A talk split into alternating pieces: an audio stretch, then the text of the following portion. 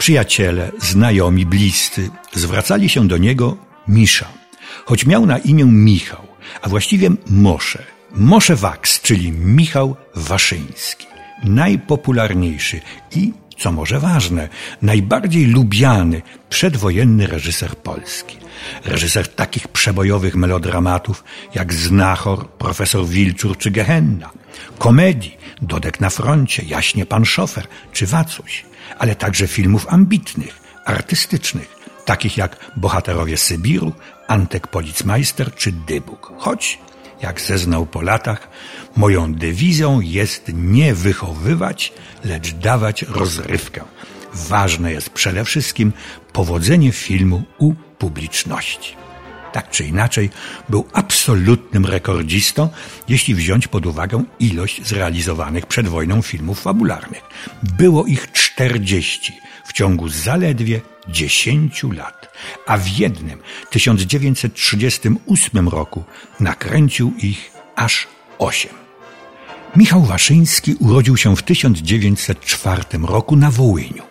W Kijowie zdał maturę i uczył się w studiu dramatycznym prowadzonym przez znakomitą polską aktorkę Stanisławę Wysocką.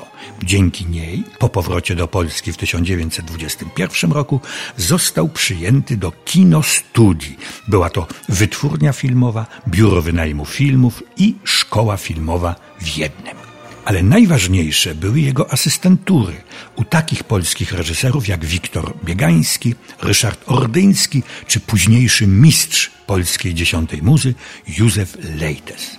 Natomiast w Berlinie uczył się filmowego fachu u niemieckiego, a wkrótce hollywoodzkiego mistrza Friedricha Murnała. Michał Waszyński zadebiutował w 1929 roku. O jednym z jego pierwszych filmów opowiem za tydzień. Zamykał tym filmem okres niemy kina i otwierał dźwiękowy. Na większość jego filmów publiczność waliła drzwiami i oknami. Krytycy byli trochę bardziej powściągliwi. Zarzucali mu na przykład banalne rozwiązania fabularne i dramaturgiczne, nadmierny pośpiech przy realizacji i w czasie montażu, czy, cytuję, humor wulgarny i płytki, śmiech wymuszany na widzu terrorem.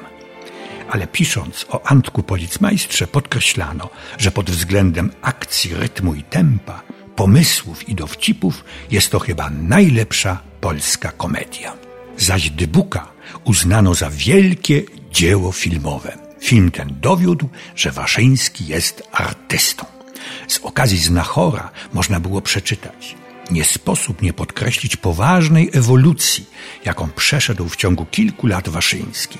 Między Waszyńskim sprzed lat dwóch, twórcą seryjnych filmów, a Waszyńskim ze Znachora jest przepaść, jaka dzieli dobre rzemiosło i sztukę.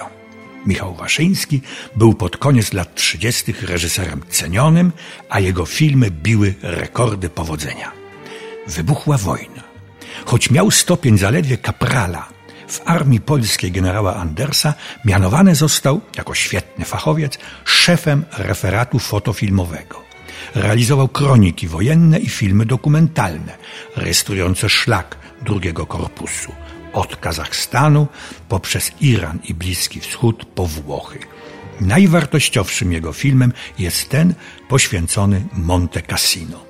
Te dokumentalne zdjęcia wykorzystał Waszyński w jedynym filmie fabularnym, jaki wtedy zrobił Wielka Droga. Kiedy wojna się skończyła i został zdemobilizowany, pozostał we Włoszech.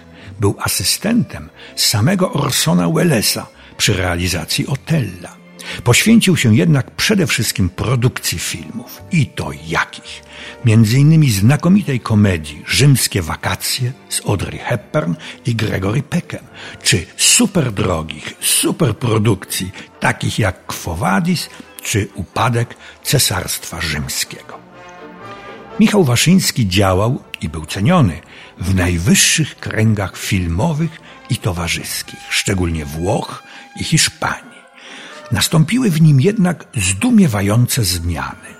Zaczął kreować siebie na kogoś, kim w rzeczywistości nie był, na przykład na spowinowaconego z polską rodziną królewską. wiódł życie rozrzutne i ekstrawaganckie.